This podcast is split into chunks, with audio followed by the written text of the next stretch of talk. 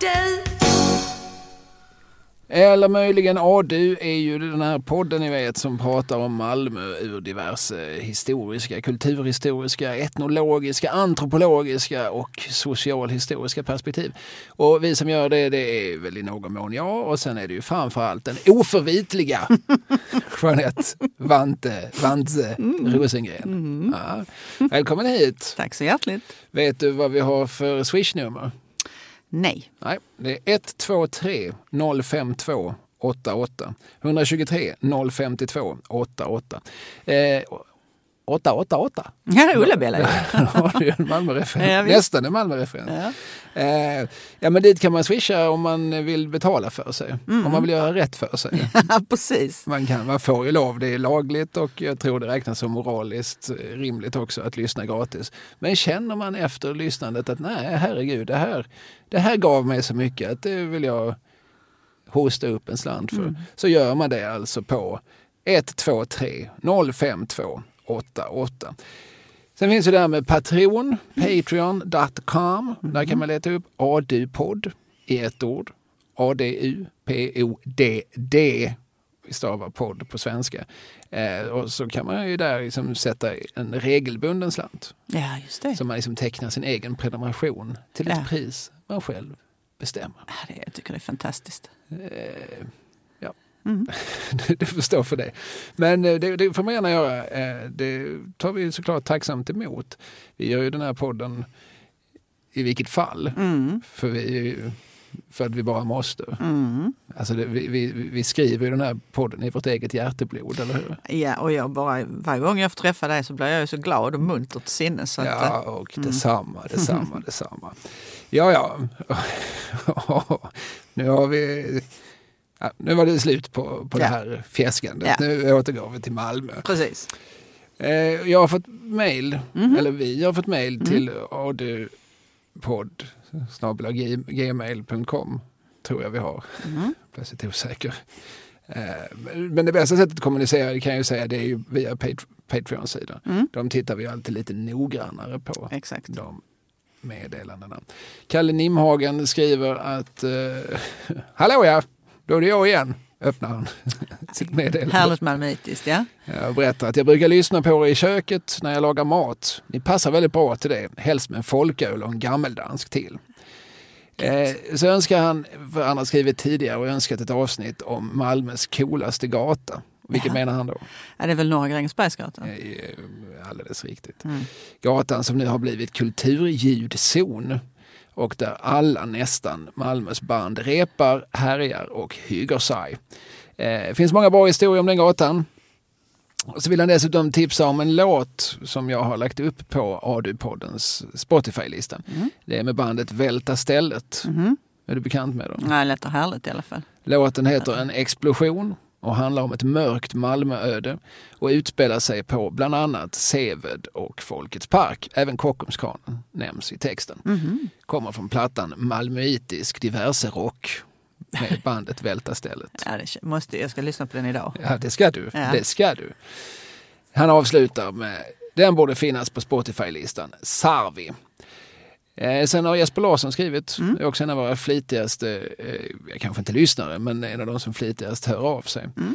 Eh, han kommenterar avsnittet vi gjorde om det litterära, unga litterära Malmö. Ja. Vi pratar ju om eh, eh, liksom, eh, Maria Mausback och Amanda Romare och en Mm. handfull eh, 90-talist kvinnor råkade vara och, och det var inte så att vi sökte dem utan det var de som liksom låg och väntade. Och, och då var det ändå flera vi aldrig pratade om. Alba Mm. Mogensen pratar vi inte om. Jo, jo. Ja, henne nämnde vi som ja. hastigast. Men, men eh, The Queen, alltså före, Amanda Svensson nämnde vi Nej, inte. det gjorde vi inte. För hon var Dolly. Mm. Precis, och den, den är nog redan från 2007. Mm. Alltså hon var ju ung när hon debuterade Mm. och eh, får väl någonstans säga som, sägas vara en föregångare. Det, är inte så, det betyder inte nödvändigtvis att alla som kommit därefter har läst henne men hon var liksom den första att, ur den generationen att beskriva eh, det här liksom livet på, på Möllan ur Mm. ett, ett kvinnligt perspektiv och från det generationsperspektivet. Eh, Jesper skriver att avsnittet var mycket trevligare än vad han väntat sig. Mhm. det, det är alltid så bra sätt att att säga att det var bra men jag trodde inte det skulle vara så bra. Eh, nej, men, eh, han tycker att det var lite mycket nutid i podden. Ja, ja, Ja. såklart. Mm. Sånt som, man, som nutida Malmöbor redan vet. Utan han brukar mer uppskatta de historiska bakgrunderna. Men, skriver han, även om jag är uppväxt i Malmö och bott här i 90 procent av mitt liv så har det inte varit så mycket Möllan. Och framför allt upptar de återstående 10 procenten merparten av just den unga perioden när man hänger på uteställen. Då jag hade det mesta av den i Lund. Mm. Så de här inflyttade unga författarna som har Möllankrogarna som sin värld ger ett perspektiv som nästan helt och hållet kompletterar mitt.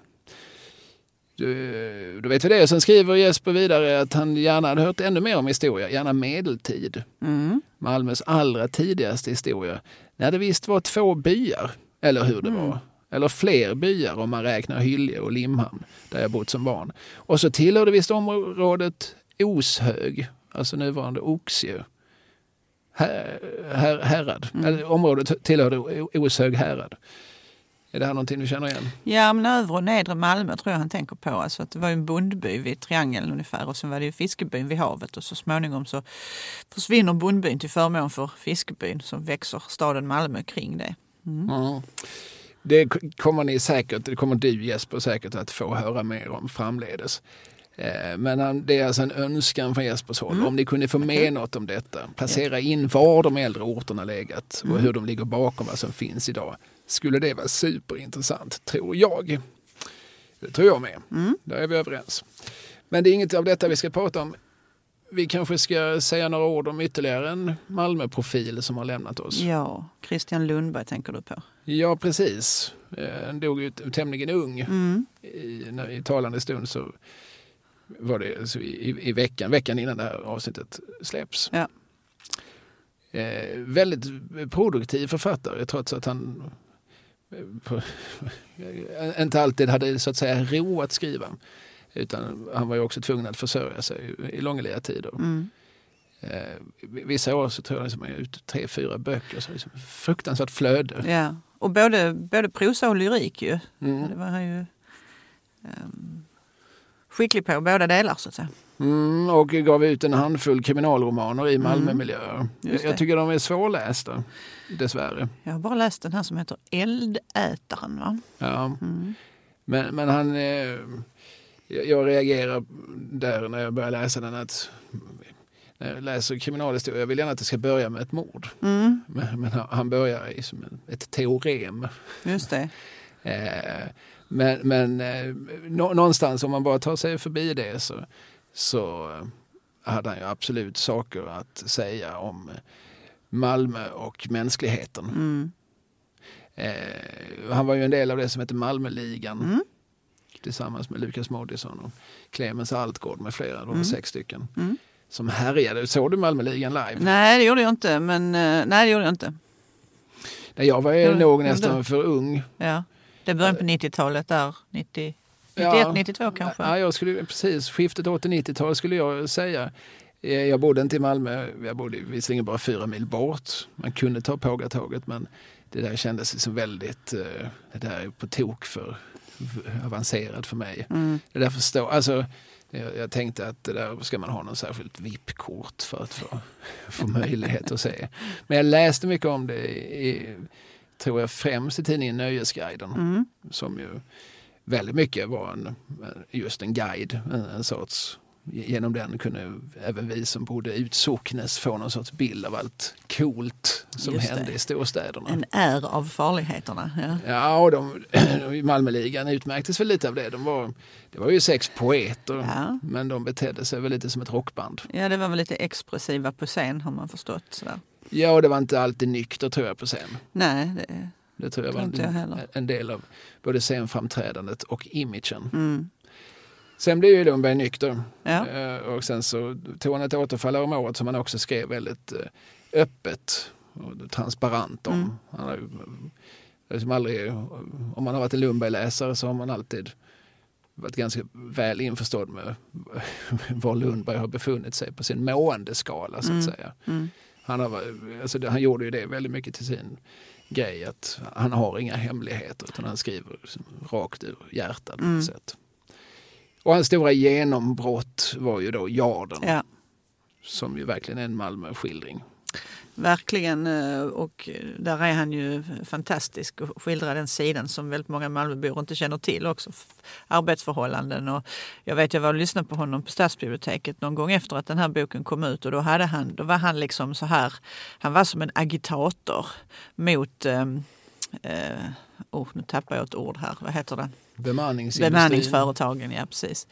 Eh, där han verkligen, jag ska, jag ska krossa de här, jag ska slåss mot de här. Alltså det var som om han, eh, han var en eh, pingstpastor slash första maj eh, tal, talare. Alltså. Ja. Mm.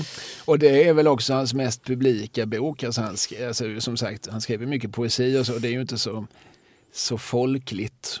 Alltså, så, även om han som poet var ju då mycket mer utåtriktad än vad, än vad många har varit som kanske suttit på sin kammare Mm. med sin lilla gåspenna och så. Så stod han ju på, på rockklubbar och så en gång Mm. i tiden och skrek ut sin poesi Mm. så, så är det fortfarande ganska smalt. Men ja, den blev ju, en, den blev ju både en framgångsrik teaterpjäs på Mm. Malmö stadsteater Mm. och en långfilm. ja visst. Absolut. Och det var ju hans, eh, eh, vad säger man, revansch eller hans möjlighet att komma tillbaka till litteraturen som man, som man ju först skjutit ut sig ifrån genom Ja. att i Helsingborg, Helsingborgs Dagblad recensera en bok som vid närmare eftertanke inte var utgiven. Jag, jag har alltid tyckt det är en rolig historia.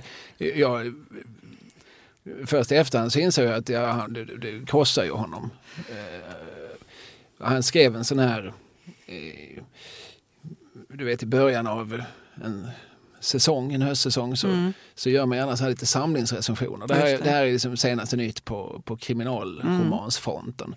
Och så hade han liksom sett i en av katalogerna att Britt-Marie Mattsson, Mm. känd journalist på tidningen GP, att hon har skrivit en bok om något. Och då ägnar han, och det är två meningar där som säger att den boken är jättedålig. Mm. Och sen så handlar ju recensionen om en massa andra böcker. Men någon, kanske Britt-Marie Mattsson, noterade detta och kom då på att den boken skrev jag ju aldrig. Den hann jag ju inte skriva färdigt. Nej. Den fanns ju bara med i förlagets katalog. Det fanns ett omslag och en, och en liten beskrivning. Mm. Men det fanns ju ingen bok så att Lundberg kan ju omöjligt ha läst den. Nej. Eh, och då fick han ju schavottera och så. Han använde en, en formulering som, som jag ofta citerar. Ja, jag får erkänna här att jag har blivit tagen med snoppen i smöret. Sa han så? Ja. Det är ju jätteroligt. Men det som var lite klurigt var ju också det att sen så sa han ju, det som kanske också hjälpte till att putta honom ut för kanten var ju att han sa att det spelar ingen roll om bo- boken hade funnits för jag, jag tycker inte om henne ändå. Nej, precis. Ungefär så. Det, det var därför jag, var därför jag liksom ägnade de här två meningarna. Det Ja. var ju för att tvåla till en, ge en ett litet tjuvnyp. Mm. Så det gjorde ju inte det hela vackrare. Och, och, och därefter så fick han liksom lämna Helsingborgs Dagblad under kulturchefen Gunnar Bergdahl var ju en eh, liksom ganska uppburen kultursida. Och så. Mm. Han, han hade ju ändå liksom tagit sig från Värnhems fattigkvarter Ja. på 60-talet in i någon sorts kulturparnass och nu så kände han sig liksom utestängd från den. Och då tar han jobb på, på Jarden med att hålla på att flytta bilar i, i både högsommarhetta Ja, och, och, och, vinterkyla. Isande kyla och stekande sol, ja. Mm. Eh, Men, men så blir det då, så vänder han det, den motgången till en framgång och sådär och kommer tillbaka. Men eh, som sagt, eh, att han inte alltid var så lycklig tycker jag han var ganska tydlig med. Mm. Och det är ju sorgligt att det ska vara så. Absolut. Sen eh, tycker jag att han många gånger har framhållit vikten av att folkbiblioteken finns. Han har ju berättat att det räddade honom många gånger som ung när han hade svårt hemma så eh, satt han på biblioteken och läste och gjorde både skolarbete där och, och läste skönlitteratur. Liksom. Att det var det som fick honom att och, eh, kanske börja skriva rent utav. Mm. Så, Ja, ja, väl, biblioteken har räddat livet på många av oss. mm. Det en historia som inte kan berättas nog många gånger. Nej, precis. Eh, rest in peace Christian, säger Ja, vi. verkligen. Det är inte honom vi ska prata om, vi ska prata om en annan Malmöman. Mm. en annan kulturman som kanske inte var känd som poet i första hand. Men han skrev ju, han skrev ju bland annat den fantastiska frasen eh, fem, bara 15 minuter från Eslöv. Ja, han fick något skit i förgasaren där. Ja, precis. Och vad är det hennes kyss smakar? Oljeblandad bensin med inslag av fett. Ja. Man kan nästan känna det lite grann. Ja. Ja. Östen Warnerbring hette han. Han skrev inte så himla många texter men just den Mm. 15 minuter från Eslöv gjorde han den kongeniala översättningen till. Det är en Burt Bacharach-låt i original. Den heter 24 hours from Tulsa. Mm. Men USA är ju ganska stort. 24 timmar får man ju, får man ju korta till en kvart. Ja. och, och liksom, även avståndet då. får man ju. Och, och, jag, liksom Tulsa, jag har ingen aning om hur stort det är men jag gissar att det är lite större än Eslöv. Jag tror det. Men jag tänker att han, det är så roligt att han skildrar, det är så flackt där för att han är 15 minuter från Eslöv men han ser ju till och med huset till tjejen han egentligen ska till som han då lämnar Jag skymtade. Eslövs ljus, jag till och med såg ditt hus. Ja, precis. Ja. Och jag som ju är lite hemmastad i trakterna, Ja. jag vet att den, den platsen finns inte. Det finns inte en plats dit du kan ta dig medelst moped eh, till, en, eh, och, och till och, och se Eslöv i detalj på det sättet. För som du säger, det är ju plana omgivningar. Ja. Men det är ju konstnärlig frihet. ja, visst är det det. Och det är en fantastisk låt.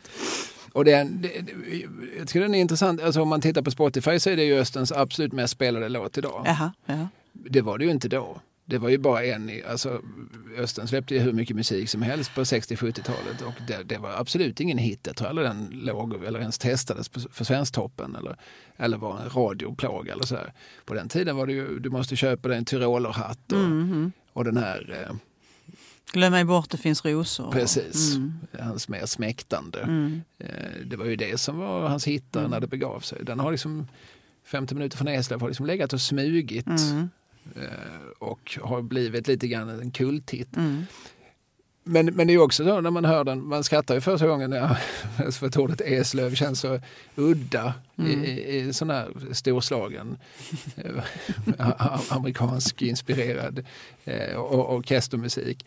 Men det är ju också oerhört bra. Mm. Alltså det är så kallades han ju inte för inte för Östen med rösten. Mm. Och sen är det Marcus Österdahl, kapellmästaren, Ja. det är hans orkester och arrangemang. Och så. Förmodligen revs den av på mindre än en timme. Alltså, jag, jag, tror- jag, jag gissar att Ja. högst två tagningar. Tagningar, ja. Och sen Mm. så tar vi nästa låt och sen Mm. går vi vidare. Mm. Sen tänker ingen mer på det då. Nej. Och nu så här 50 år senare så sitter vi här och analyserar den i detalj. Mm. Det, kunde, det, det tror jag inte Östen anade då. Att, Nej, och jag tänker på, visst är det så kallat du är någon sorts hedersmedborgare i Eslöv? 2015 års hedersmedborgare. Ah. Jo tack, tackar som frågar, Mm. tackar som frågar. Ja, ja, Då är vi en liten illuster skara. Jag, Erik Penser, Johan Glans, Gunhild, Karl, Gunhild Carling. Mhm. Eh, som då när som helst på dygnet får lov att komma till Eslöv.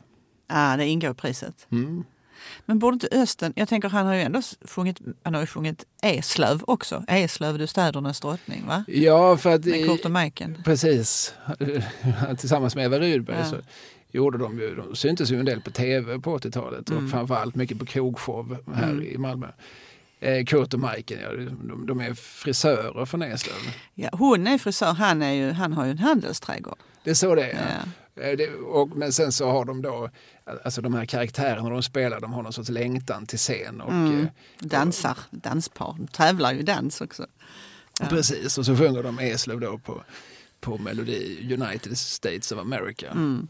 Donna Fagan tror jag hon Mm, hette. Som mm.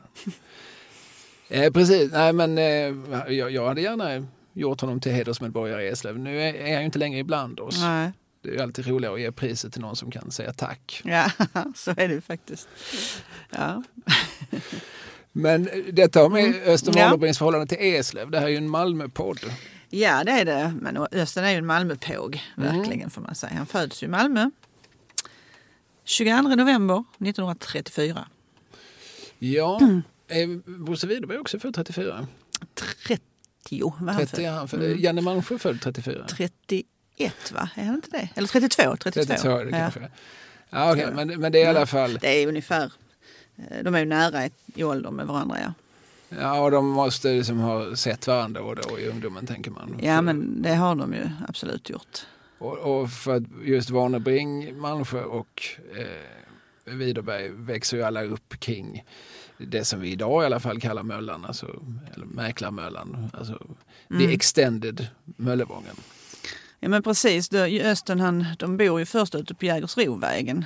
Ja. De första sex åren. Sen flyttar familjen Andersson, som de hette då, in till Bergsgatan 38. Det är, tyvärr så finns ju inte huset kvar utan det är där det här stora komplexet med apoteket Gripen ligger idag. Ja, ja, det är en av skönhetsfläckarna på Möllevången får man väl säga. De, de byggde bort en gata Mm. Ja. för det var viktigt att huset skulle vara så kolossalt. Precis. Så Hagagatan försvann. Helt obegripligt Ja. Mm. arkitektoniskt ideal. Varför ska huset vara så stort att jag måste gå en omväg för att ta mig från två punkter? Jämfört med tidigare. Helt obegripligt. men, ja, ja, men jag tror vi har pratat om detta tidigare. Att, ja, om Österns Mm. bostadsadresser på 30-40-talet. Det kan vi nog ha gjort ja. sånt som lätt dyker upp i konversationer. ja. Men han är lite sladdis. Han är, bor ju där då med mamma och pappa och har eh, tre äldre syskon.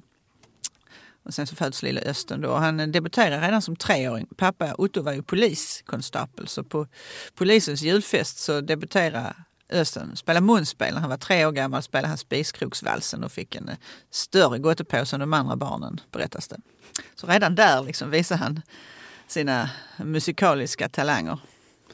Och eh, det ska ju sägas, alltså, alltså, jag, jag, dessvärre är det väl så att Östen Warnerbring, jag tror för en ung generation så säger inte namnet någonting.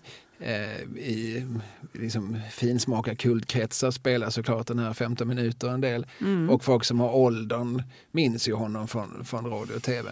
Men jag tror många minns honom som eh, i första hand som en, som en spexare, en gamäng som tog på sig lösnäsa och gjorde just liksom Kurt och Majken.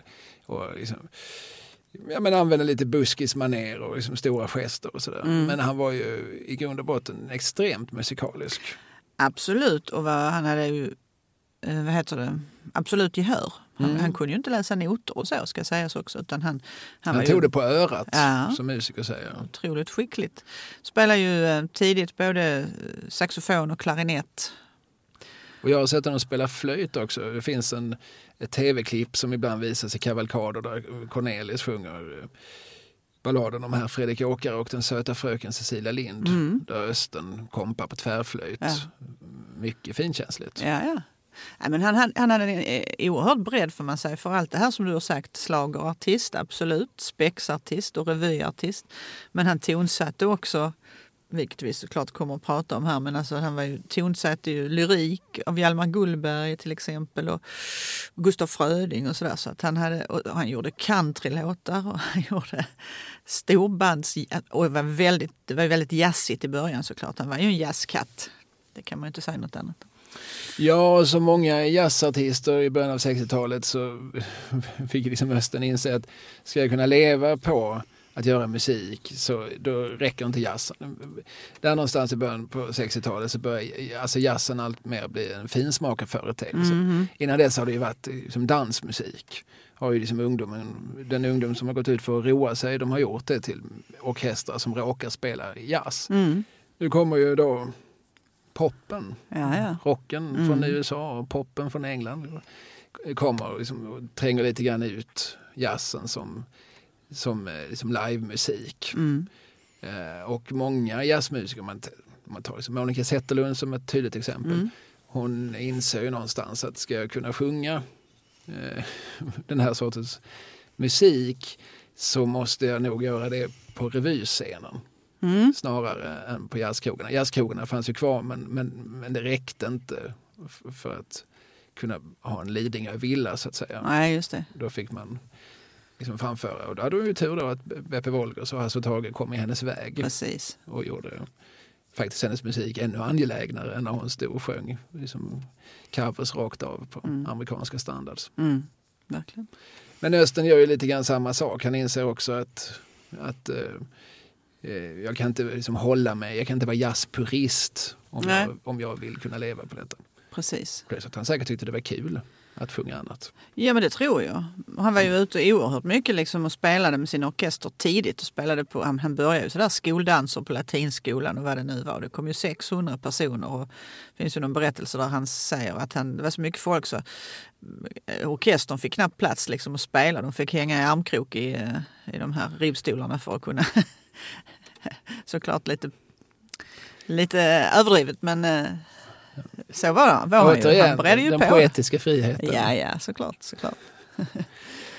ja, och, och det har vi nog också pratat om tidigare, var han började sin karriär. Det var inte på um, Amiralen utan det var på... Arena. Ja. Arena, han sa ju det, det var lite finare på Amiralen, det var lite skitigare på Arena. Så. Ja. Och Arena ja. låg där kronprinsen ligger nu. Just det. Eller kronprinsen-kvarteret. Ja. Och det var den som brann den ner va? brann ner 50?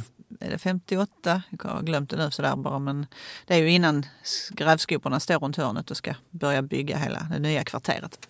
Så hade det inte brunnit ner så hade någon ändå ja, rivit ner det? så var det ju. Ja. Det var redan bestämt. Ja. Och eh, mycket av det vi säger här nu i den här podden har vi hämtat ur en bok som heter Östen med rösten, mm. sångare, musikant och underhållare. Mm. Skriven av den gamla Kvällsposten-reportern och nöjeschefen Christer Borg. Ja. Utgiven av, det är något obskyrt förlag. ja, det är något, något litet som på Möllan. Jo, det stämmer. Det är Kira förlag som gett ut boken. Ja, just det. De har någon förlagschef där som jag har hört att man inte ska lita på. Nej, precis hade jag aldrig gjort heller. Nej. Eh, och hur som helst, det är ju en väldigt fyllig bok. Många, många fina bilder. Men den är slut på förlaget så det är, inte värt att jag sitter här och gör reklam för Nej, men, men jag tycker gott att uh, man kan låna den på biblioteket om man vill. För att den är... Just det, gynna våra folkbibliotek. Ja, definitivt. Den är väldigt anekdotrik om inte minst. Ja, och många fina foton. Ja, det är det. Där man oh, ja. som ser eh, Eh, att Österns karriär är ganska mycket... Eh, ja, det är liksom svensk underhållningshistoria i koncentrat. Alltså, genom Östern så kan man liksom förstå hur liksom i förlängningen Sveriges utveckling ser ut från 50 till 90-talet. Absolut, allt från Svensktoppen till Melodifestivalen till krogshower, Berns och Hamburger Börs och allt vad det är men också Kronprinsen här och ambassadör och ja, alla tv-program och radioprogram inte minst som han medverkade i. Han var ju verkligen överallt under långa tider. Han var ju skivartist i mer än 50 år. Det är ju rätt så fantastiskt också. Ja, det finns en, en anekdot i den här boken. Han, han var väl också skivbolagsanställd va? ja, på ett skivbolag som heter Oktav som låg här i, i stan. Ja. Precis, eh, där han var lite talangscout och sådär. Mm. Och, eh, det finns ju också, eh, apropå poppens intåg och så i början på 60-talet, så finns det i den här boken en lite ändå anmärkningsvärd anekdot. 1962 så gav Värnamo Konfektion AB. Eh, Östen uppdraget att spela in en låt kallad Lucky Stuff. Mm. Den blev då A-sida på en singel. På B-sidan la man en låt som heter Ain't She Sweet mm. med den relativt okända gruppen The Beatles. den här inspelningen var gjord året innan i Hamburg. Den här skivan pressade då alltså Värnamo Konfektion upp i en väldigt liten upplaga och gav till sin personal i julklapp. ja. På A-sidan Östen Warnerbring, på B-sidan John, Paul, George och Ringo. Ja. Fint sällskap. ja, det är det är, den, det är den första skivan som de har tagit upp någon gång i, i Antikrundan när de värderade det. Jaha. Den för några år sedan, en del år sedan. Ja.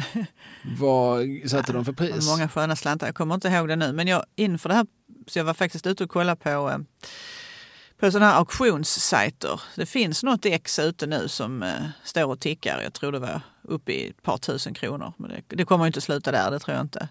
Utan de är ju, det, är, det roliga är också att Lucky Stuff, det var ju någon sorts um, tyg, alltså någon sorts gabardintyg mm -hmm. som var, Värnamo var väl specialiserade på det får man anta då, så, som hans låt då tydligen på något sätt handlar om Östens.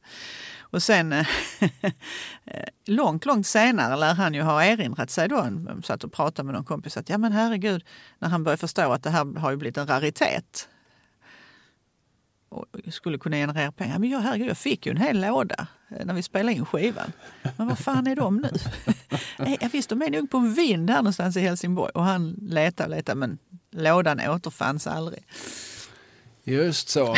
Och Helsingborg flyttade han till, alltså han bodde väl, om jag minns rätt så bodde han i Skåne egentligen hela sin karriär. Ja, bortsett från en liten tid på Lidingö mellan Anita, alltså första hustrun, och, eh, och sen flyttade han till sin andra, nästa hustru Kerstin då, eh, som bodde på Lidingö. Så att, eh, sen flyttade de gemensamt ner till Skåne igen. Då. Men han, han, bodde, han växte upp i Malmö och bodde i Malmö.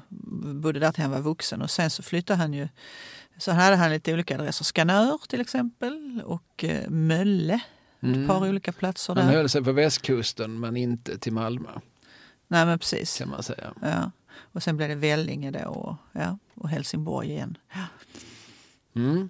Men, men till skillnad från många så var han nu ändå då Skånebaserad under mm. större delen av sin rikstäckande karriär. Och det är klart att eh, han var ju tvungen att framträda, han var ju över hela Sverige och framträdde men det var ju också långa många och långa krogshower, inte minst i Stockholm. Så att han fick ju bo någonstans.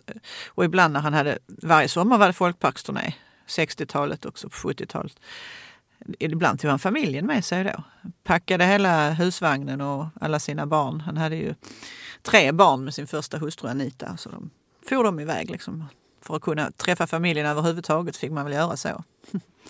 Ja, sen fanns det nog de som inte gjorde det utan som tänkte att nu tar jag lite paus för min ja. familj. Tar jag lite paus för min trolovade. Mm. Eh, och eh, lovar min tro till någon annan lite tillfälligt. Ja. Det hände nog att somliga gjorde det. Det tror jag nog också. Jag säger ingenting om Östens benägenhet att hoppa över skacklarna för den vet jag ingenting om. Nej. Eller lite vet jag för att eh, det antyds här och var vill jag minnas i Borgs bok. Men, men, men eh, det, sånt hände. Ja. Men som, det, sen så. Volter säger någonstans vård, vår att vänta. När han kommenterar tältprojektet eh, sommaren 77. Då folk ibland hamnade i olika husvagnar. Så, ja. Vård, vår att vänta. Nej men precis. Det, man ska inte sitta här och låtsas som att man inte själv hade gjort likadant. Nej precis. Vård, vår att vänta. Eh, ja men eh, som sagt, han börjar göra sig ett namn när han eh, sjunger och leder orkester och då och då också själv tutar lite i saxofonen mm. på arena.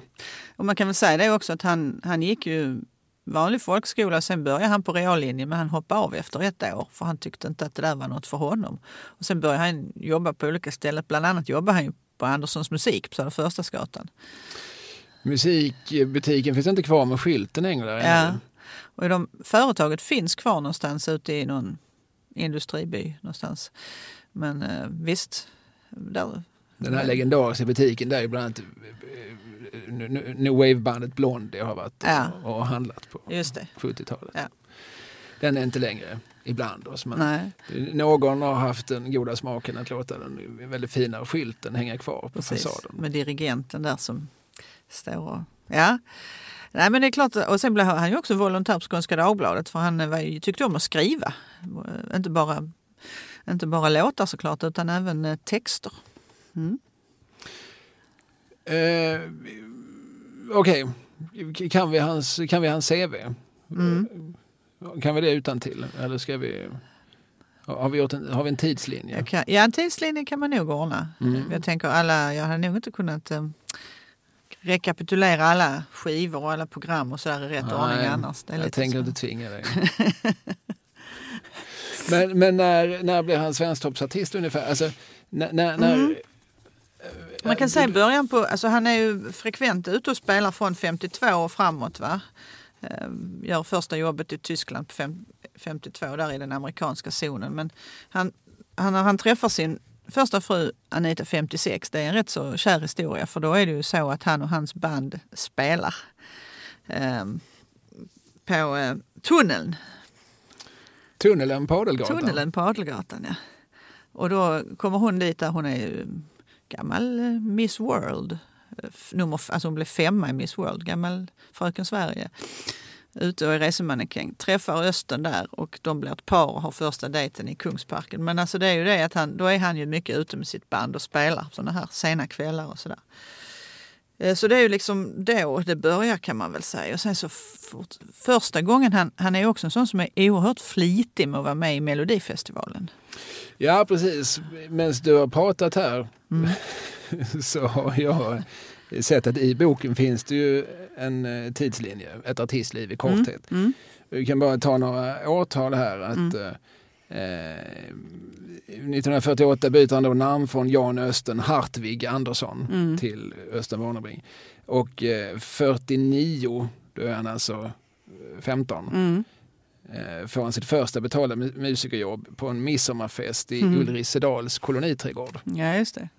Vilken är det? Alltså Ulrisedal är ju på Östra kyrkogården. eh, Det är ju det där lilla, det där lilla palatset höll jag på att säga, men den lilla sommarvillan där som Svedin Karlström lät bygga åt sin första hustru där som hette just- Ulrika Dahl. Mm. Och det, jag gissar att det är där han menar att det har, där är det fest, festlokaler helt enkelt. Mm. Och 52, då han är 18 år gammal, då får han sitt första proffsjobb med Totti Wallén och hans Vilda Vikingar. Ja, ja, just Där de det. spelar i eh, den, I Tyskland där ja. Precis den amerikanska zonen av det ockuperade Tyskland. ja. Eh, och sen 54, då får han ett drömjobb.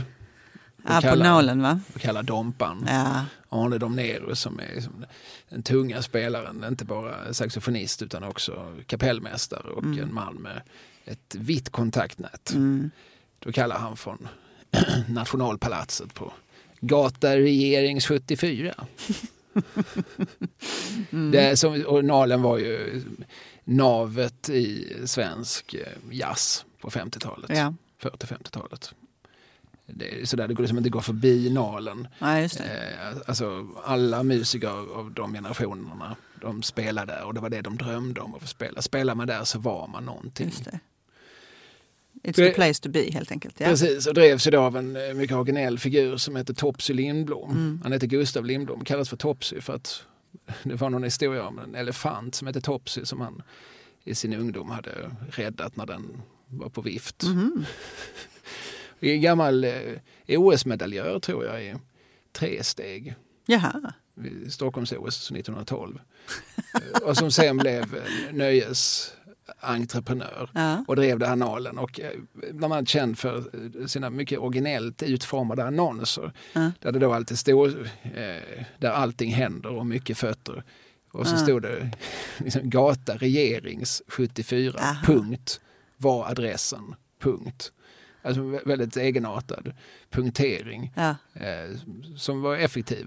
För det gör att jag kan citera det 70 år, 80 år senare. Absolut. Och folk hittar ju dit. Någon sorts eh, reklam och promotion-geni, Mm. denne Lindblom. Eh, och Nalen var ju liksom känd för att sån här, det satt ju som en lista på alla som var portade. Och det var, de som var portade, det var ju sådana som hade påkommit som har medhaft i innerfickan. Och så. Jaha. Det var ju helnyktert officiellt och även i praktiken Jaha. i väldigt hög grad. Sen söp ju musikerna backstage Ja, ja. Och, och när de gick vidare och så. Men, eh, Ja. Så var det Man- på Nalen. Man dansar nyktert i alla fall. Ja, så, så var planen. Ja. Och eh, som du säger, det var dit vi skulle komma. 1960 så vinner han ju Mm. schlager-SM för första gången. Just det. Och det är väl andra eller tredje året som Sverige är med. Ja, precis. Eh, Vi var inte med de första, första åren där. Men eh, jag tror vi först är med med Alice Babs. Är det 58? Eller? Ja, så kan det vara. Med Lilla Stjärna. Och sen är det 59 då, Augustin. Just det. Och sen 1960 alltså så vinner Östen med låten Alla andra får varann. Men det är inte han som får åka. Nej, för att då är det ju så att året innan då har ju Sivan Sivan vunnit. vunnit med Augustin men får inte åka till själva eh, finalen utan då får Britta Borg åka dit istället. Aha, och så när nu Östen vinner så tycker man kanske lite synd om Siw Malmkvist. Ja, eller vad vet något. jag.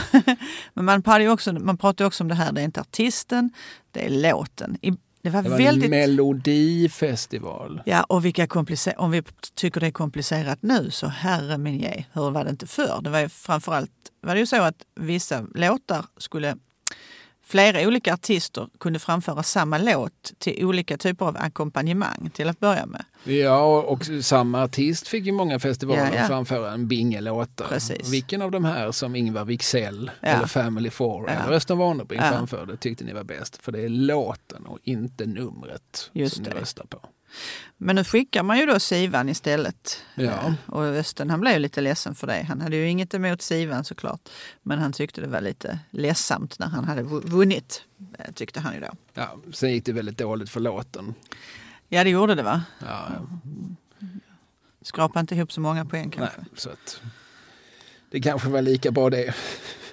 Men jag tänkte på det när du sa, för det här är ungefär samtidigt. När han jobbade på Oktav där bodde han ju i, han och Anita bodde i det här motorramhuset på vid Skogens, Skogens bro. Det här pampiga huset som var en bilfirma också en gång i tiden. Då försökte, jag vet inte om det var Östens idé, han hade ju väldigt många idéer. Men man spelade ju in på skiva paret Truxa. Just det, tankeläsarparet. Ja. Och hur det, hur det har låtit har jag ingen aning om. Men det blev i alla fall ingen succé på skiva. Nej.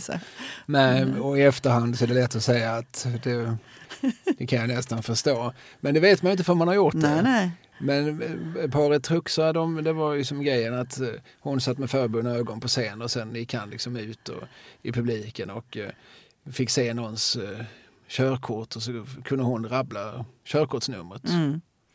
Alltså hur gick det här till? Ingen vet. nej. Och det vet vi fortfarande inte. De hade ju någon sorts eh, kodsystem förmodligen som Mm. de samtalade med varandra på. Men, men det var ju säkert, när man satt i den salongen så var det ju säkert häpnadsväckande. Hur är detta möjligt? Ja. Skickliga illusionister helt enkelt. Ja, och de var danska va? Han var dansk, jag tror hon var svenska. Ja. Det var inte Gulli någonting. Jag undrar om det inte fanns två olika fru Truxa. Jag tror den ena kanske dog eller så. Okej. Och så fick han lära upp en ny Mm. Partner. Strunt samma. Eh, men det var ett jättefenomen. Eh, vi, Mm. alltså, de drog mycket folk till sina föreställningar när Just det begav sig. Men eh, skivan betraktades inte som lika lyssnansvärd. Nej, men det kanske är ett um, samlarobjekt nu. Oktav var skivbolaget alltså. Just det, och eh, själv skrev han sitt första skivkontrakt 62. Mm. Då är det en annan sån här legend, Simon Brem. Ja, just det. Han som upptäckte Lill-Babs, var det inte det? Ja, i allra högsta grad. Hon var väl 15 eller så när han upptäckte henne. Och han var ju också alltså, verkligen som en far för henne. Så Mm. gick ju in och såg till att hon gick och la sig i tid, att hon, alltså, såg till att hon kom hem. Mm. Eh, han var väldigt sträng, Mm. väldigt patriarkal. Det har ju Barbro själv vittnat om. Mm. Och varit väldigt tacksam för. Mm. För man hör lite mellan raderna att hade jag fått fria tyglar så hade jag nog blivit gravid ännu fler gånger. Tycker, tycker, man, tycker jag att hon säger. Ja. Alltså han dog ju redan 67, Mm. alldeles för ung. Och, eh, och Barbro Svensson sörjde honom varje dag Mm. resten av sitt liv. Mm. Så att hon hade bara gått att säga om honom. Men när hon beskriver hur han var som, som arbetsgivare, manager, eh, så är han ju på ett sätt som, alltså idag hade han ju jag säger inte att han hade metooats men han hade ju som absolut betraktats som en, en relik. En, en dag så ringer han Barbro och säger att det finns ett hus ledigt att köpa. Så det eh, jag ser till att det skickas ett kontrakt till dig. Jaha. Dit ska du flytta med din mamma och din lillebror. Och det, så hände? Ja, det var ju Simon som sa det. Ja, ja, och då gör man så. Ja. Ja, och Simon hade också sett till, och han hade ju full inblick i Barbros ekonomi så att han visste ju att hon hade råd. Mm. Så det behövde hon ju inte själv titta efter. Och, och, hon, eh, liksom när hon tittar på det här i efterhand så det var ju aldrig så att han på något vis lurade henne eller, Nej. eller så, utan han hade eh, men han övervakar henne Ja. 24-7. Tur ändå han var en good guy på något sätt och ville hennes bästa får man väl anta. Ja, det får vi väl hoppas. Och Simon Brem, han var ju också musiker själv, han var basist. Mm. Han, jag tror han var den, eh, hans grej var att han spelade femsträngad bas. Jaha. Eh, Jag tror han var den första svensk eh, som gjorde det. Och är ju känd för ett par generationer som basist i Hylands hörna. Ja, ja. Och eh, även kanske kapellmästaren. Kapellmästare var nog Leif Asp, pianisten. Mm. Eh, och sen hade han ju då skivbolaget Karusell som han själv grundade. Han sp- spelade in en del, eh, mycket sådana här liksom novelty-låtar, mycket så här roliga låtar eh, som man satsade på som gick hem på jukebox och så. Folk tyckte det var kul. Och, Ah. Bland annat så, du vet den här, eh, vad heter de på engelska? Cigarettes, Whiskey and Wild Wild Women. Ja, Den finns ju på svenska med Kaka Israelsson. Eh, jag kommer inte ihåg vad den heter, men när Simon Brem spelade in den heter den Dunder och snus och lurviga luder. ja just det. ja. Den titeln den skojar man inte bort idag, nej. Nej. och det tror jag redan då, jag tror hon sjöng in den under pseudonym. Jag tror han heter Velam Velamsson. Som, som också är någon sorts Fröding-referens tror jag, för det var den signaturen som Gustaf Fröding använde. Aha. Det här behöver vi inte gå in på nu för det har inte så mycket med Östen Warnerbring att göra. Nej, nej. Men det här är i alla fall vem Simon Brem var. Han var Mm. en, en viktig spelare också i dåtidens artist-Sverige. Och med honom skriver alltså Östen kontrakt då, eh, 62. Mm. Ehm, han, han spel, man ska lägga till det också sen, året därpå så gör han sin skådespelardebut. Han har ju många strängar på lyran får man säga. Mm. Då spelar han i Kiss Me Kate på Malmö Stadsteater. Ja, ja, det är ju musikal och Cole Porter. Mm. Men, men fortfarande så krävs det ju att du kan mer än, Agera än lite. sjunga. Ja. Och han hade då en roll, han var en påklädaren Paul och då var han ju blackface hade vi sagt idag, han var svartsminkad. Mm. Ehm, Det finns en rätt rolig eh, berättelse om tidslinjen då i hans kvällar. För samtidigt som han spelade på Stadsteatern så spelade han ju också på Erikslust. Alltså eh, gamla KB-ungdomar ute vid... ja. Ja. Idag är det ICA Malmborgs där. Är det. Just det, Ja. men innan det var gamla KB, alltså, ännu längre tillbaka, så var det alltså ett, ett ställe för dåtidens populärmusik. Ja, dansrestaurang på andra våningen där uppe på. Ja, i alla fall. Då var det så här. Han kom Det är till ett hus som teatern. vem har ritat, Eh, Erik Sigfrid Persson. som vi har pratat om ju i en podd. här. Precis. Eh, Eh, han kommer till teatern, blir sminkad 18.45. Han går på scen 19.20. Eh, pjäsen är, eller föreställningen är klar 21.45. Då sätter han sig i sin egen ägandes bil och gasar ut till Erikslust. Drar upp på scen och är där en kvart senare ungefär. Någonting sånt. När sminkar han av sig? Ja, det kommer. i bilen? Nej, det gör han inte. Och det roliga är att någon gång blev han ju stoppad av polisen för att han körde så fort. Och då håller han upp sitt körkort och då tittar polisen på körkortet och sen tittar man in på östen. Och så, det där är ju inte samma pers- person. Mm, Ja. Men i alla fall, eh, han fort, upp på scenen då och spelar med bandet och sen i pausen 22.10 då sminkar han av sig. Och sen när det var dags för andra akten då var han östen igen så att säga. Ja, ja, så att han gjorde första akten i blackface. Så det kunde han säkert göra liksom, roligheter på när han gjorde covers på afroamerikanska låtar. Och så. Han, det var sånt som fortfarande betraktades som helt okej och eh, riktigt muntert. Precis, och han gjorde säkert någon, han gjorde många år senare en hyllning till, till Louis Armstrong som heter Satchmo. Så jag kan tänka mig att han säkert har eh, blinkat åt det hållet också redan då.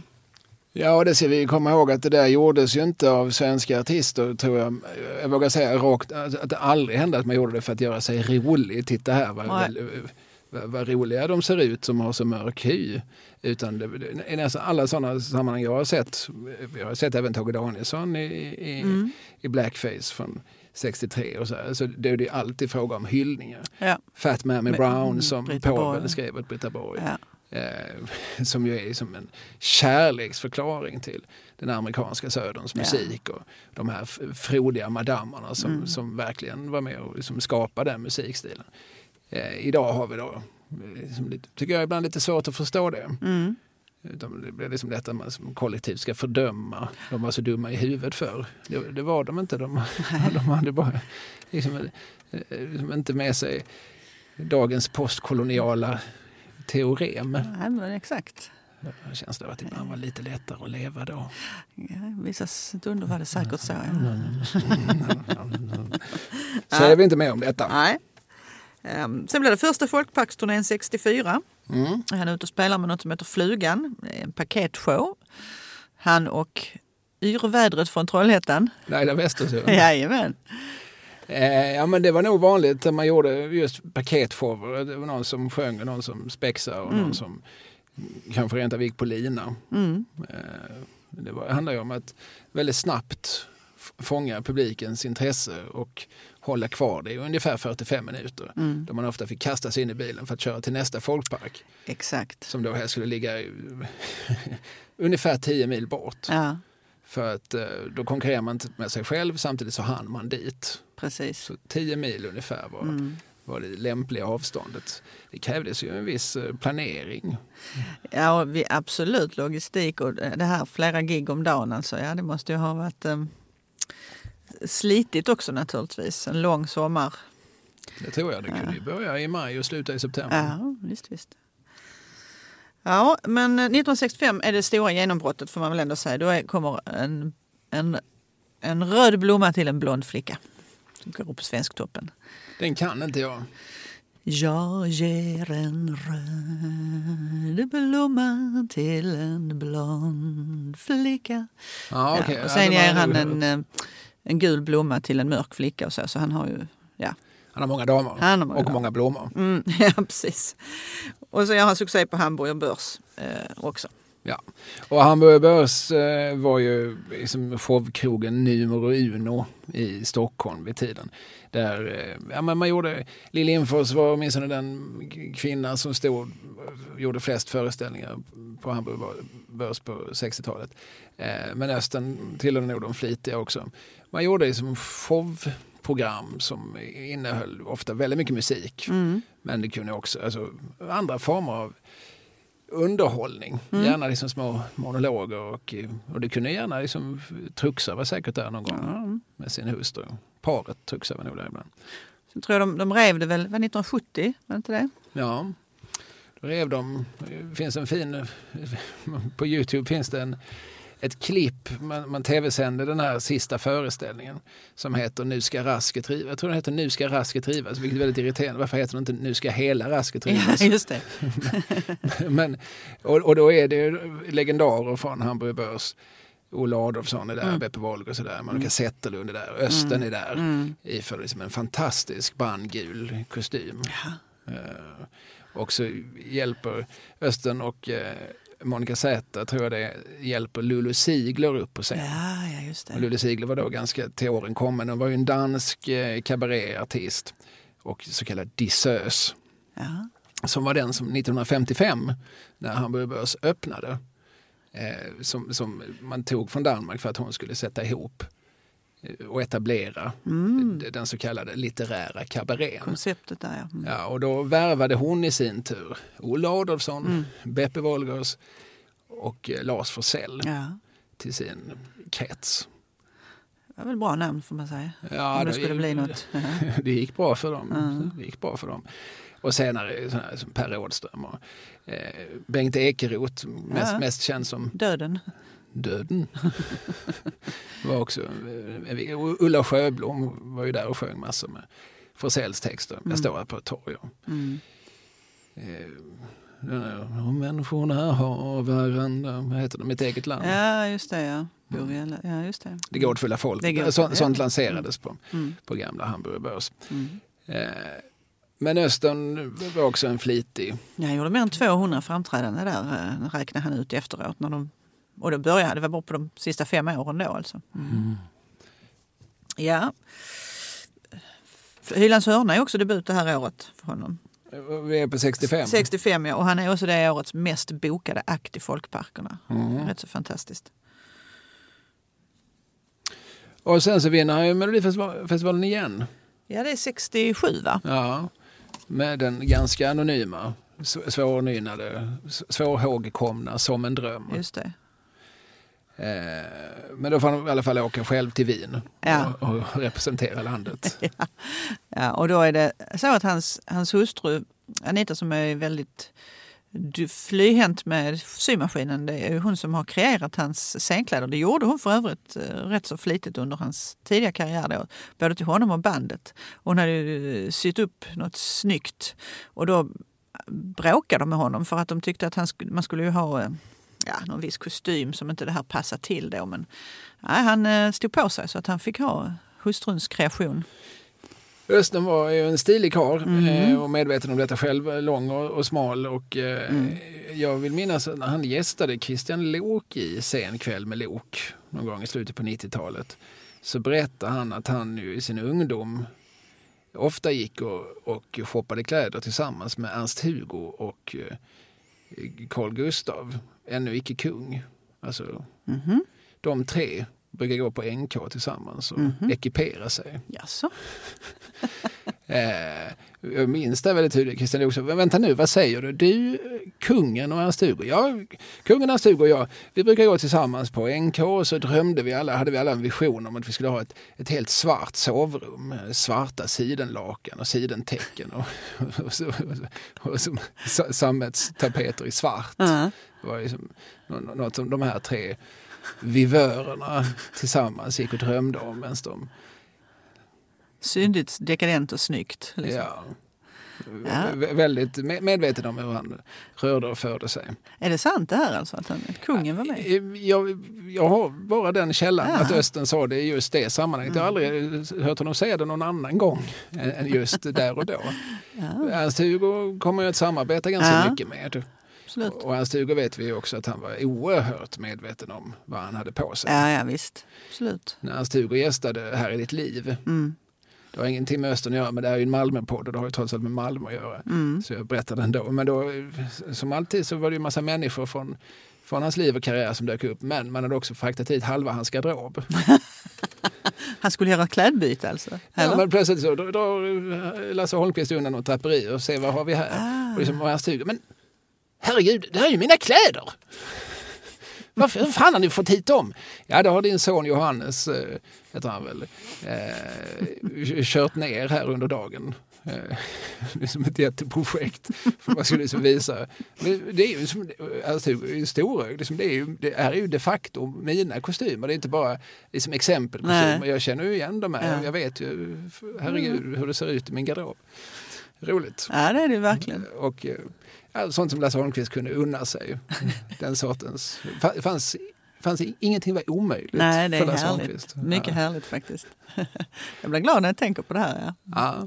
Men du, jag tänkte på det när du sa att han vann eh, 67, när han vann Melodifestivalen. Han hade ju faktiskt två nummer han tävlade med eh, i den Melodifestivalen. Och det andra hette, det som inte vann då, det hette En valsfan.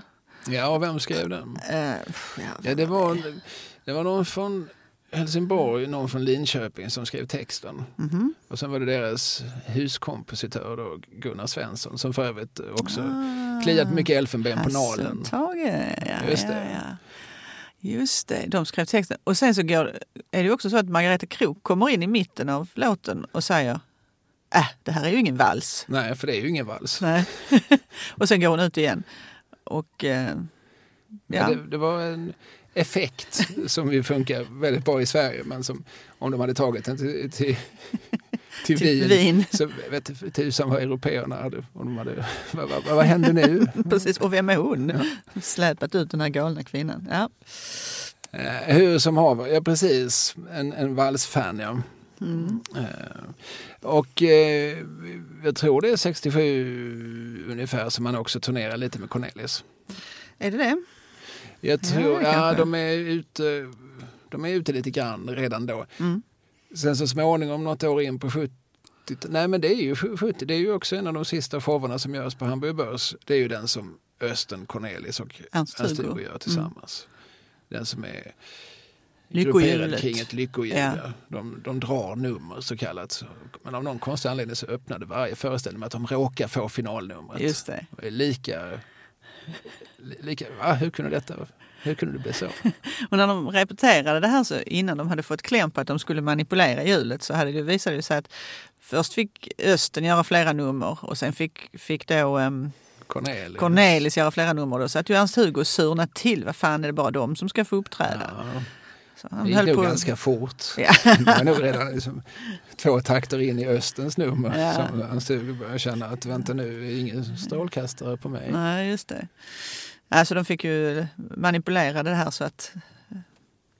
Ja, Så att det blev jämnt fördelat på de Just det. tre just det. divorna. Den, eh, jag har sett den där, den finns eh, filmad och eh, har legat till och från på SVT Play. Jag har den också på LP. Mm. Den är ganska trevlig. Ja. Det, det är väldigt avspänt.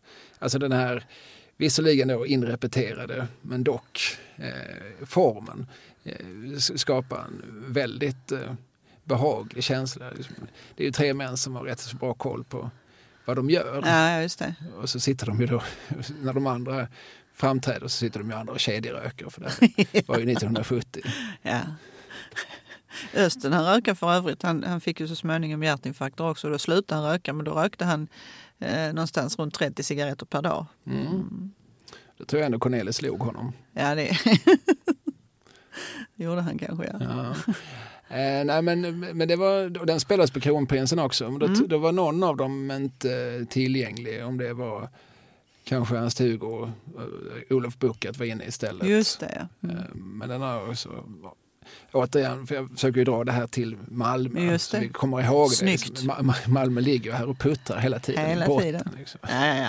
Även om han är ibland på Hamburg Börs så är han mycket Malmö. Ehm, det, det är också roligt 1969 för då, då eh, blir det ett litet bråk kan man säga med eh, Anita Lindblom och Bosse Högberg. Det var ju ett par. De har vi också pratat om här tidigare. Det har vi gjort. Ja. Sångerskan Anita Lindblom och boxaren Bosse Högberg. Och hon hade haft en hit med den redan nämnda balladen om eh, herr Fredrik Åkare och söta fröken Cecilia Lind. Alltså Cornelis gjorde det, men hon hade, jag tror hon hade större svensktoppsframgång med sin version. Mm.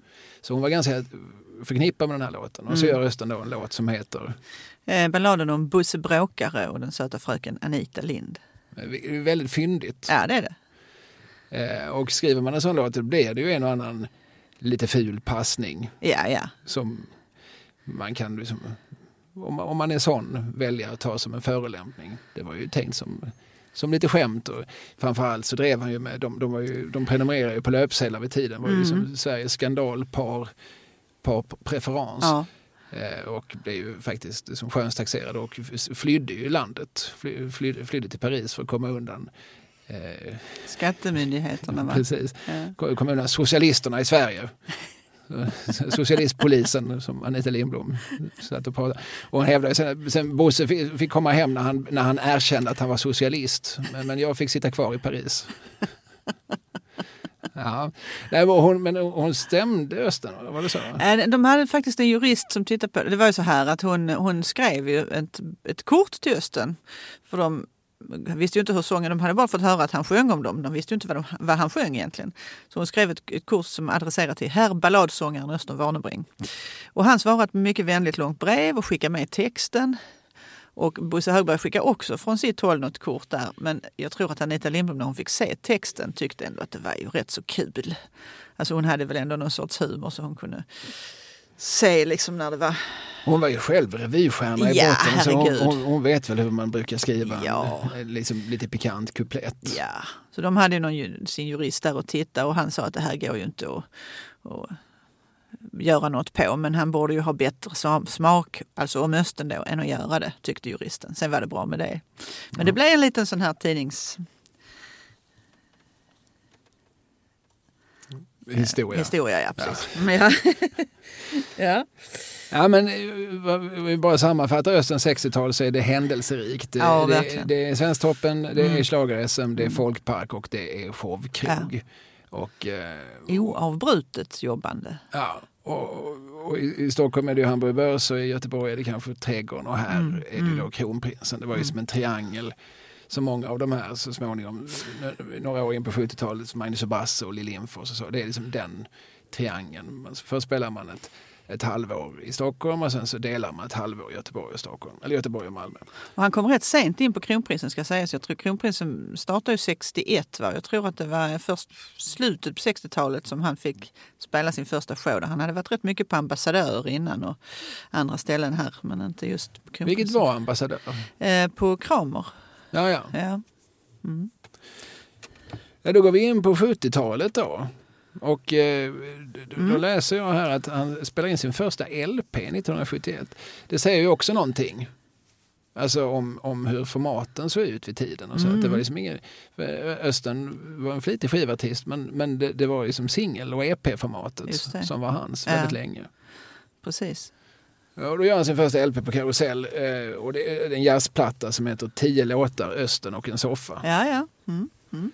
Eh, och, och sen så börjar jag också poppa upp väldigt mycket tv vid tiden. Mm. Det har han kanske gjort redan innan dess men, men med många sådana här underhållningsprogram där han antingen framträder som, som sångare men jag tror att han börjar programleda lite grann också Mm. redan vid tiden. Han är ju duktig, han är ju sådär, han är ju en entertainer, alltså han kan ju föra sig han, och han kan ju, eh, han tar ju mycket på uppstuds, alltså han kan improvisera och känner sig trygg med det formatet, verkligen. Det är också så att Pierre Frenkel, som ju vi också har pratat om, Just det, regissören. ja, ville ha Östen flera omgångar. Först han ville ha honom som, han ville sätta upp Jesus Christ Superstar i Malmö och ville ha Östen som Jesus. Ja, ja. Men det blev inget för det var några danskar som satt på de rättigheterna då och de ville göra något annat med, ja just med den det. föreställningen. Och, och vem är det som gör den första Jesus Christ på svenska? Är det Bruno Wintzell? Ja, är det inte det? Ja.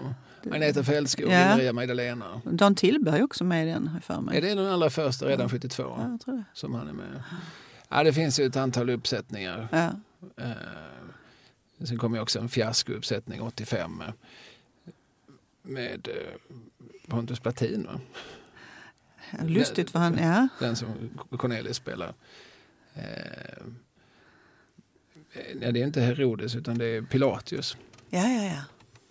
Även Rico Rönnbäck, fackbasen Conny från varuhuset, är med i den. Nåväl, det har ingenting med Östen Warnerbring att göra. Nej, men han gör ett, program, ett tv-program som heter Imorgon är det lördag. Mm. eh, Under 70-talet. Så, som han programleder. Just det. Det är, det är många år, många säsonger faktiskt. Jag tror det började 72 va?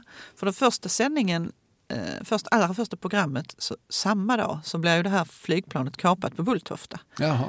Och då, det här programmet sändes ju sent på kvällen men det skulle ju ändå sluta sådär vid 11 snåret. Men då bad SVT-ledningen om att kan ni, ni har öppen sluttid här, bara kör på. Så kan vi då och då komma in och, med bevakningar ifrån Bulltofta. Eh, Och då fick de ju hålla på. De hade ju inte repat in mer material än vad de hade liksom. Men de fick ju improvisera, spela. De hade lite i bakfickan. Ja. Så jag tror de spelade till ett på natten eller något sånt där. Bulltoftakapningen har vi nog aldrig pratat om i den här podden. Det finns en uh, numera prisbelönt, tror jag, eh, radiodokumentär som gjorts här av Jaha. SR Malmö. Som kom alltså för ett halvår sedan eller sådär. För den som vill sätta sig in i det här väldigt dramatiska som skedde. Mm. Min far brukar hävda att han var lite inblandad i det. Oj då, på vilken sida? Ja.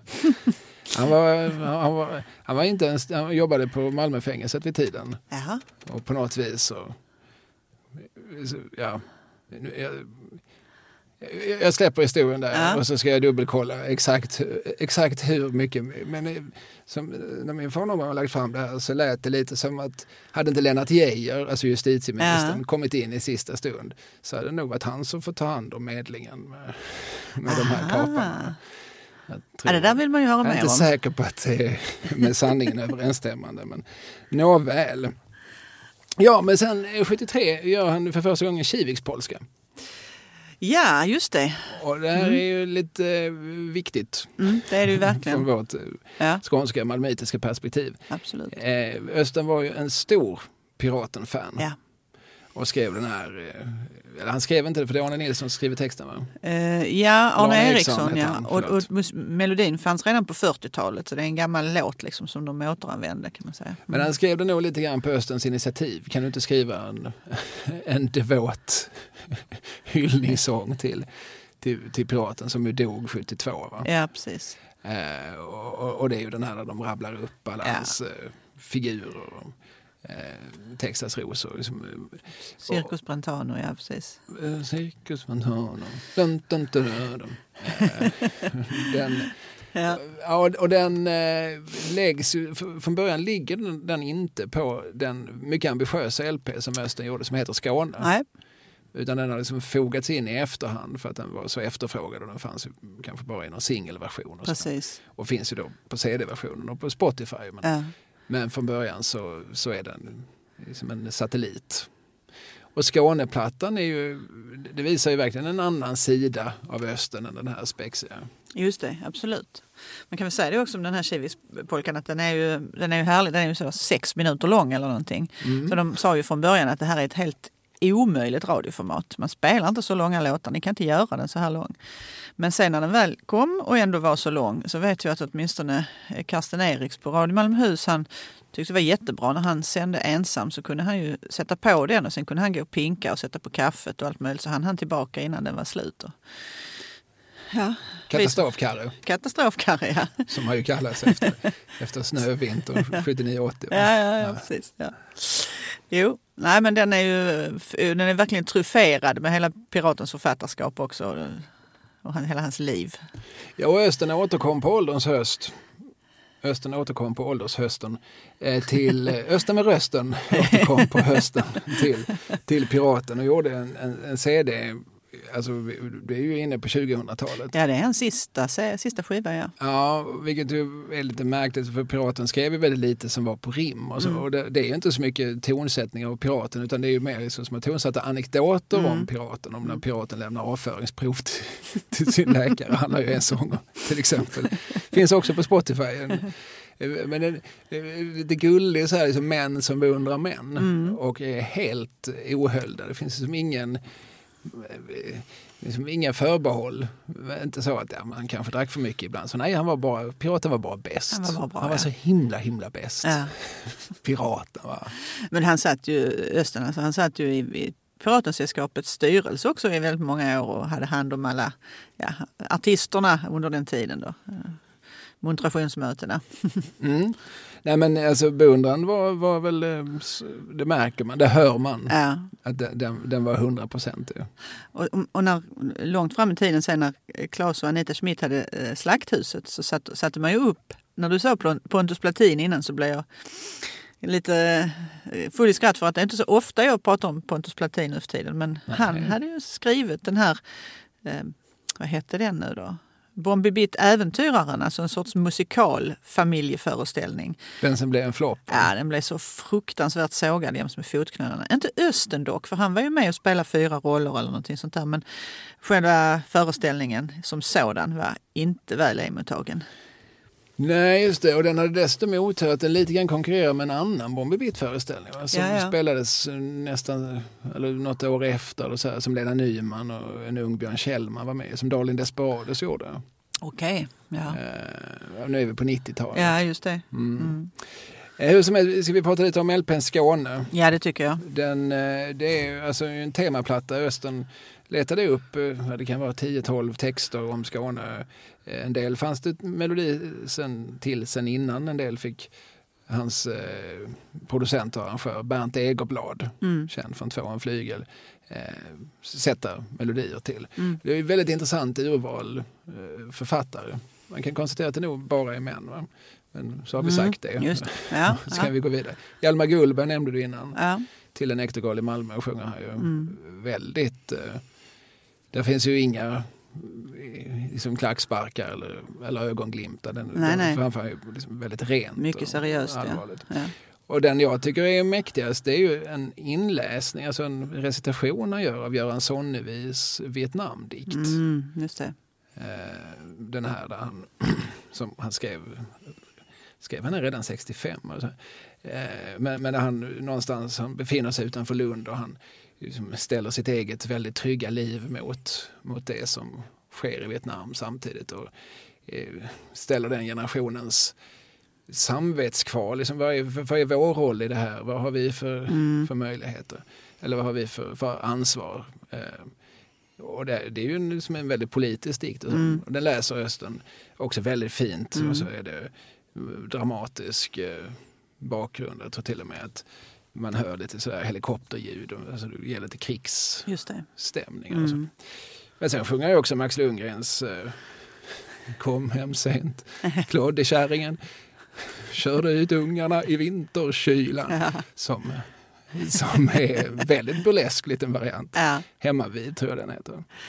Är det nu denna skivan som är, är det första gången han sjunger på skånska? Är det inte det? Det kan nog rent av vara så. Ja. Inte på alla låtarna men nej. på rätt många.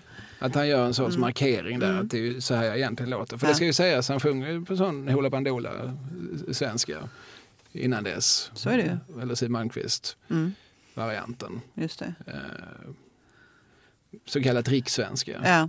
Så som barn pratar när de leker. Ja, ja precis. Men en riktig Östen, ja. han börjar förekomma på skivan nu. Eh, om det, den kommer 72 eller 73 någonting. Ja, precis. 73 skulle jag tro. Ja. Eh, men eh, Rekommenderas varmt. Ja, den är jättefin. Finns också på Spotify. Och det är roligt också när man läser nu gamla intervjuer med honom eh, så har han ju reflekterar han ju väldigt mycket över sitt artisteri och vilken väg ska jag välja? Han måste ju bort från det här eh, glada eh, slageraktiga. Han vill ju på något sätt visa den här djupare sidan av sig själv också. Han har ju förstått att allt det här andra genererar ju såklart listframgångar och pengar och utsålda hus. Men han vill ju verkligen visa sin, e- vem han egentligen är. Det, säger han ju flera gånger. Ja, och det är ett klassiskt artistiskt dilemma. Mm. Det är ju många som har stått där. Och så, så uppträder man ju på som hamburgerbörser, kronprinsen och så här ställen alltså där folk gör, har tagit sig både en och två groggar och ja. de kanske inte är så mottagliga för den mest finstämda poesin och så här så märker man ju att ju mer jag liksom, tjoar och kimmar desto gladare blir publiken. Och hur ska jag förhålla mig till det? Liksom, är det värt att jag står här och reciterar poesi för en publik som inte bryr sig? Och så skriker de på tyrolerhatten allihopa kanske? Och sådär. Ja, dessutom. Och så ska jag, hur, samtidigt man vill ju ha de där små sköna sedlarna som prasslar så mm. gott i öronen. Och så vill man ju också bli bekräftad. Mm. Visst. Det är ju, alltså, den som tror att det här är liksom ett lätt val för någon. Att det är bara att du låter bli. De förstår ju inte riktigt hur, hur en människa faktiskt fungerar. Nej, visst är det så. Cornelis hade ju precis samma dilemma. Liksom, publiken ropade på hönan Agda så ville han sitta och sjunga finstämda visor mm. om Felicia. Mm. Uh, ja, nej det där är inte lätt. Och, eh, och både Cornelis och Östen tyckte om att uh, ha råd med saker. Ja, så var det väl. Så, så att, eh, det är ju inte heller så att, att ja, men det bara slutar med den här, eh, alltså, ja, hur ska det gå till? Alltså, om publiken fortsätter skrika på den, hur, hur ska jag bete mig mot den här publiken som har, som har betalt för, för att se mig ikväll? Och så. Visst. Hur förhåller jag mig till mina stora hittar, till Tyrolerhatten då mm. i Östens fall? Och så. Mm. Eh, och när man tittar på hans skivutgivning och så här nu så ser man att han, han jobbar ju väldigt mycket för att eh, visa hela tiden olika sidor ur sitt eh, konstnärskap och letar upp liksom, nya sorters låtar. Jag gör ju plattor på danska. Ja, ja, flera stycken. Han, och han tonsätter ju en dansk poet som hette, vad heter han, Halvdan var det Rasmussen? Rasmussen. Ja, just det. Ja. Till exempel. Som kanske inte hade varit sådär superkänd i Sverige innan. Men han sjöng ju på danska och sådär men den här skivan säljer ju i Sverige också. Och sen det, det som jag tycker är fint det här eh, också Sven-Ingvars hyllningsskiva till Fröding, alltså Sven-Ingvars i Frödingland som kom där i början på 70-talet. Ja. Jag tror Östen gjorde sju eh, av de tonsättningarna. Någonting till de här.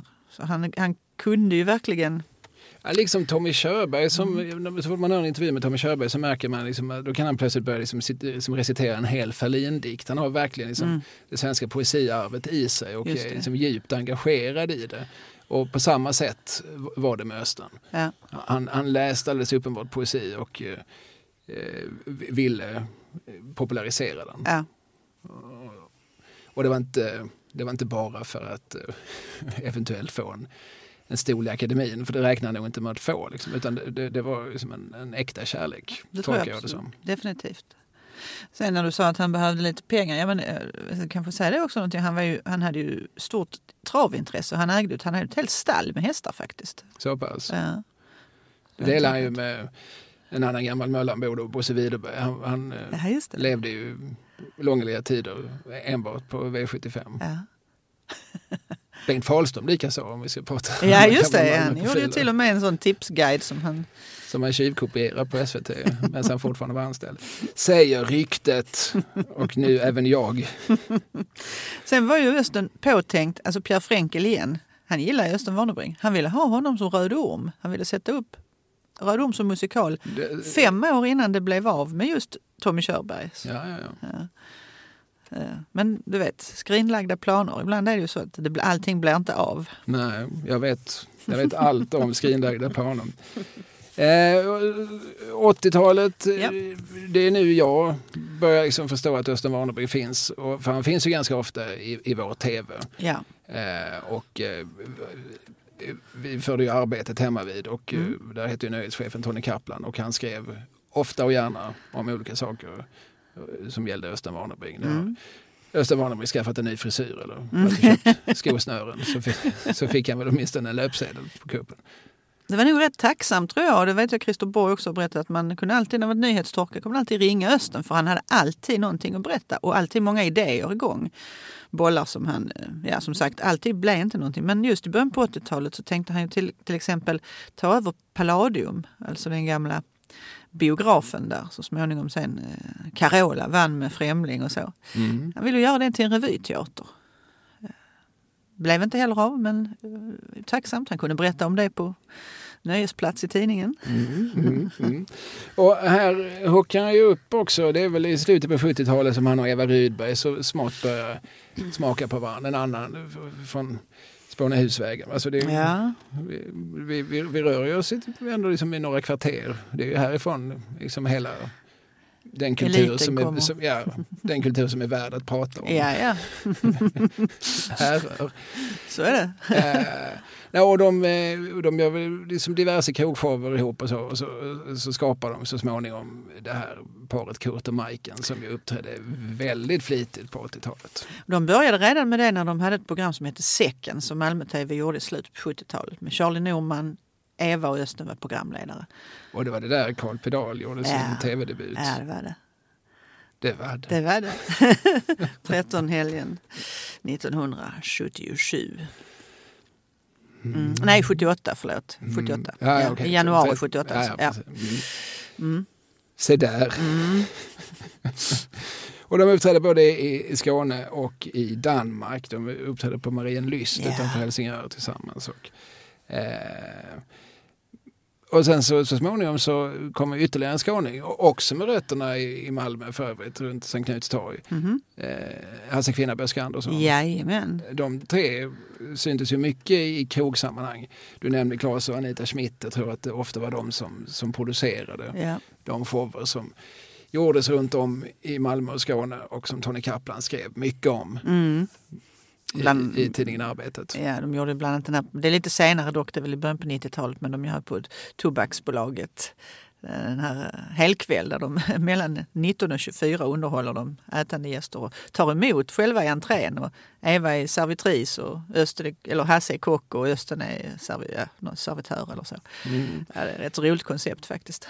Och det är väl i samband med den som de gör en singel där ena sidan heter O vad det var hit och den andra heter O vad det var kolt. Det är just det i sommar. Ja. Som de ja. rappar. Ja. Och som jag tror det är så att det släpps ut från en helikopter. Va? Som någon ja. sorts promotion-grej så släpps det ut. Skivsläpp ja. En, precis. Ja. Det, är, väl lite fyndigt då. Här har ni skivsläppet. Ja. Så släpps de.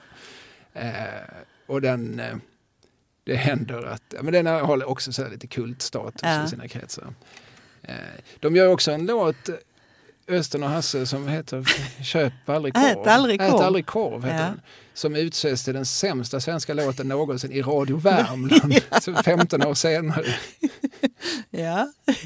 Det är så konstigt, varför bryr sig värmlänningar? Ja. Det känns som ett så lokalt fenomen. Av alla, all musik som någonsin har gjorts i det här landet så är Ät aldrig korv med Östen och Kvinnabös. Men kan det vara, bodde inte Hasse i Värmland ett tag? Så kan jo, det gjorde han ju. Han bodde ju hos Monica, ja. alltså Monica Forsberg. Som ja. han, blev tillsammans med i slutet på 80-talet. Jo, så det kan väl vara lite därför då. Koppling där ja. Nej men det är, det är rätt roligt. Mm. Eh, no, de gör mycket på Kronprinsen jag minns ju ett tv-program som hette Stjärnslaget, Stjärnskottet, Stjärn... Mm. Stjärnklart hette det. Mm. Som skulle sändas, eller som sändes från Kronprinsen som Östern ledde. Mm. Alltså från Kronprinsens showkrog, det såg jag på tv då. Mm. Och där Östern mitt under säsongen fick en hjärtinfarkt. Ja och fick ersättas med Gösta Linderholm. Just det, det är han och Hasse som har den showen. Ja, alltså Kvinnabäst ska ha liksom en hörna i programmet. Mm, mm. Det är det som är lite pikant när man ser det idag. Att, att, eh, där tipsar ju Hasse i varje program om sin bästa mjölkdrink. Och det var ju under en period när han var liksom sponsrad av Skånemejerier. Ja, ja, ja. Det hoppas och tror jag inte att SVT hade släppt igenom idag. För det var ju som ren och oförfalskad reklam. Är det då han gör den Tacka vet jag mjölk och mackor? Ja, det var ju singeln som ja. han gjorde för Skånemejerier. Mm. Den sjöng han ju i tv också såklart. Ja, ja, ja. I det här fredagsunderhållningen med en, två miljoner tittare varje vecka. Sånt gick för sig.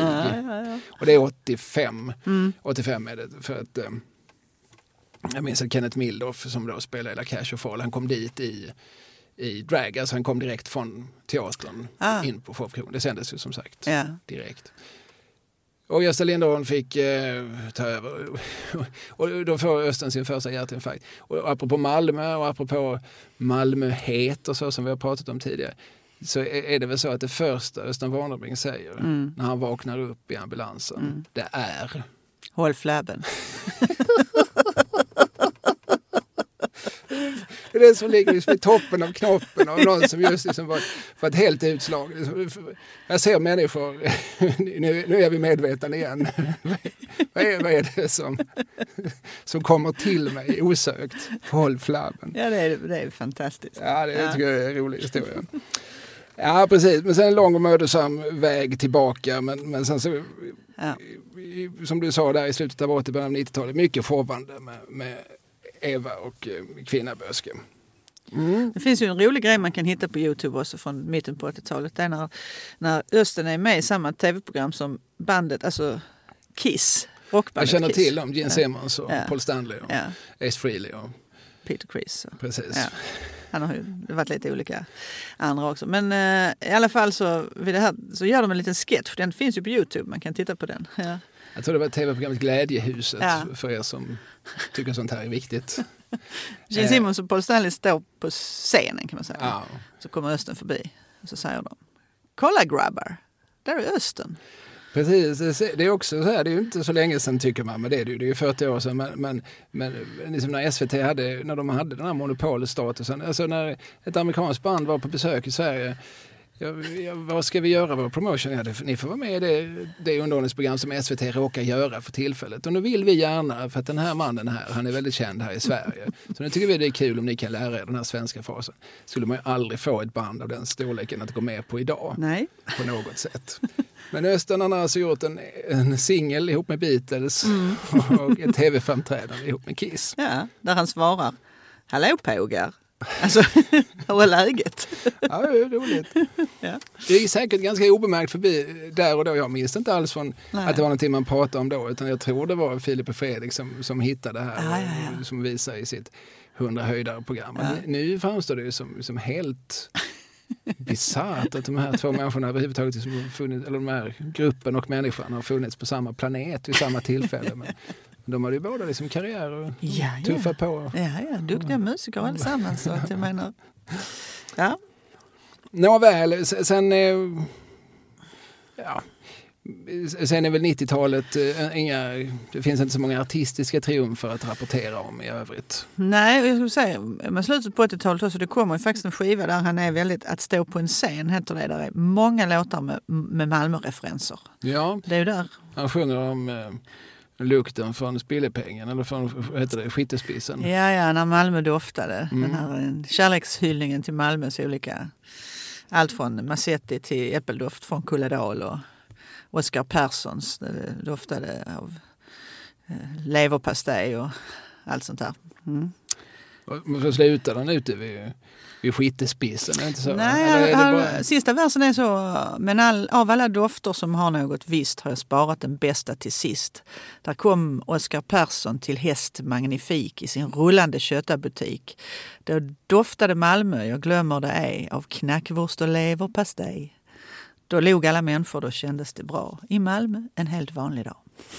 Ja, det är, det är vackert. Ja. Det är ju någonting med den där nostalgin. Alltså, när man är ung så, så skrattar man åt den och sen, Ja. sen blir man 47 och jag har inte upplevt det men, men kan ändå på något vis relatera till Ja. det. Jag har inte känt de här dofterna men, men eh, liksom, jag, jag hör ju Östens kärlek till. Precis. Du kan ju också gå genom seklerna och, eller tiderna och förnimma det tror jag. Ja, och en annan eh, Malmöskildring han gör som vi nog har nämnt här tidigare det är ju den här minnesskildringen av när det plötsligt tänds upp på andra sidan sundet. Alltså Danmark var ju som bekant ockuperat under andra världskriget och var ju mörkt. Det var ju helt mörklagd stad. Man hade förväntat sig sätta upp mörkläggningsgardiner och så. Eh, och så plötsligt så blir det fred och när man då cyklar ner till ribban och tittar ut så, så illumineras hela horisonten. Mm. Alltså, efter att det i fem, sex år har varit beckmörkt Mm.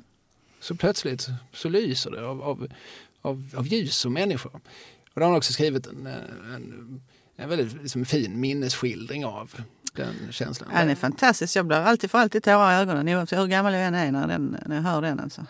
Det är ju ja, det är jättefint. Mm.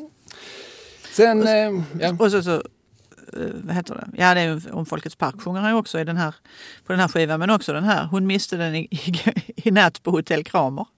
Det är också en tydlig Malmökoppling. det får vi Ja, absolut och det är ju minken hon förlorade. Så man ska inte tro något annat. Man, man ska tro någonting annat fram till sista versen. Va? Så är det. Är det inte så? Jo, jo. En sån här klassisk. Låt den hänga ute. Ja, Så visar det sig att det var tvätten. Ja, precis.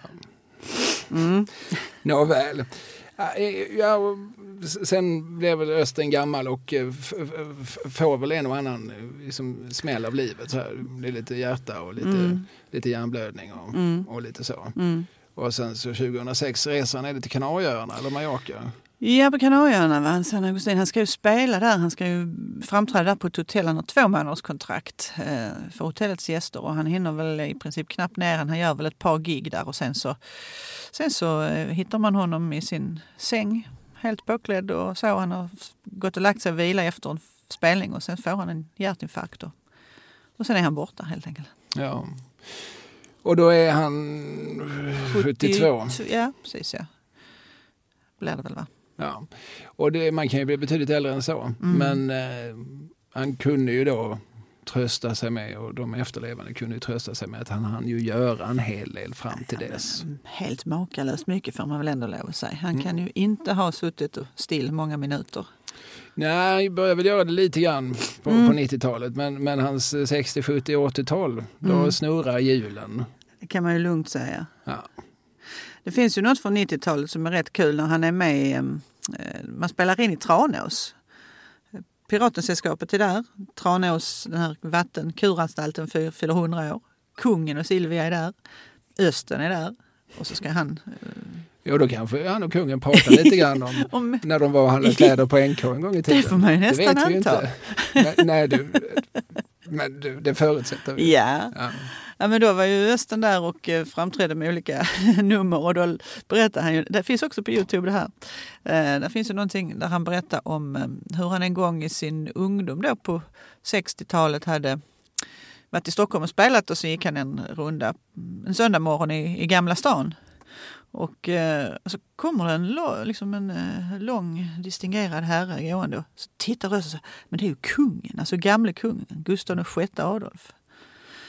Och Östen han bugar som man ska och då vänder sig kungen om och säger Ja det gick ju bra på eh, Svensktoppen i morse herr Warnerbring. Ja, vi, vi vet ju inte om detta är sant men... Vi, eh, varför skulle Östen ljuga om nej, en jag sån sak? vet inte. Varför, varför, varför? Ja, men jag tycker vi tar det som vår slutanekdot. Vi har Mm. pratat på här rätt mycket Mm. om Östen med rösten. En, eh, en av våra Malmöprofiler som det pratas alldeles för lite om. Skulle nog många, eller Mm. förhoppningsvis, hålla med oss om. Men vi, förhoppningsvis har, är det någon som kanske, ja men jag, jag testar ändå, börja med den här Skåneplattan på. Spotify är mitt tips. Och sen om vill man som, gå någon överkurs så finns det säkert mer. Ty- Tyrolerhatten är väl inte hans bästa låt. Nej, nej, nej, det finns Även många bättre. största framgång. Ja. Ja, men är vi färdiga med detta då? ja, Ska vi säga så? det gör vi. Japp, Mm. sa vi. Hej! Hej. Allt beror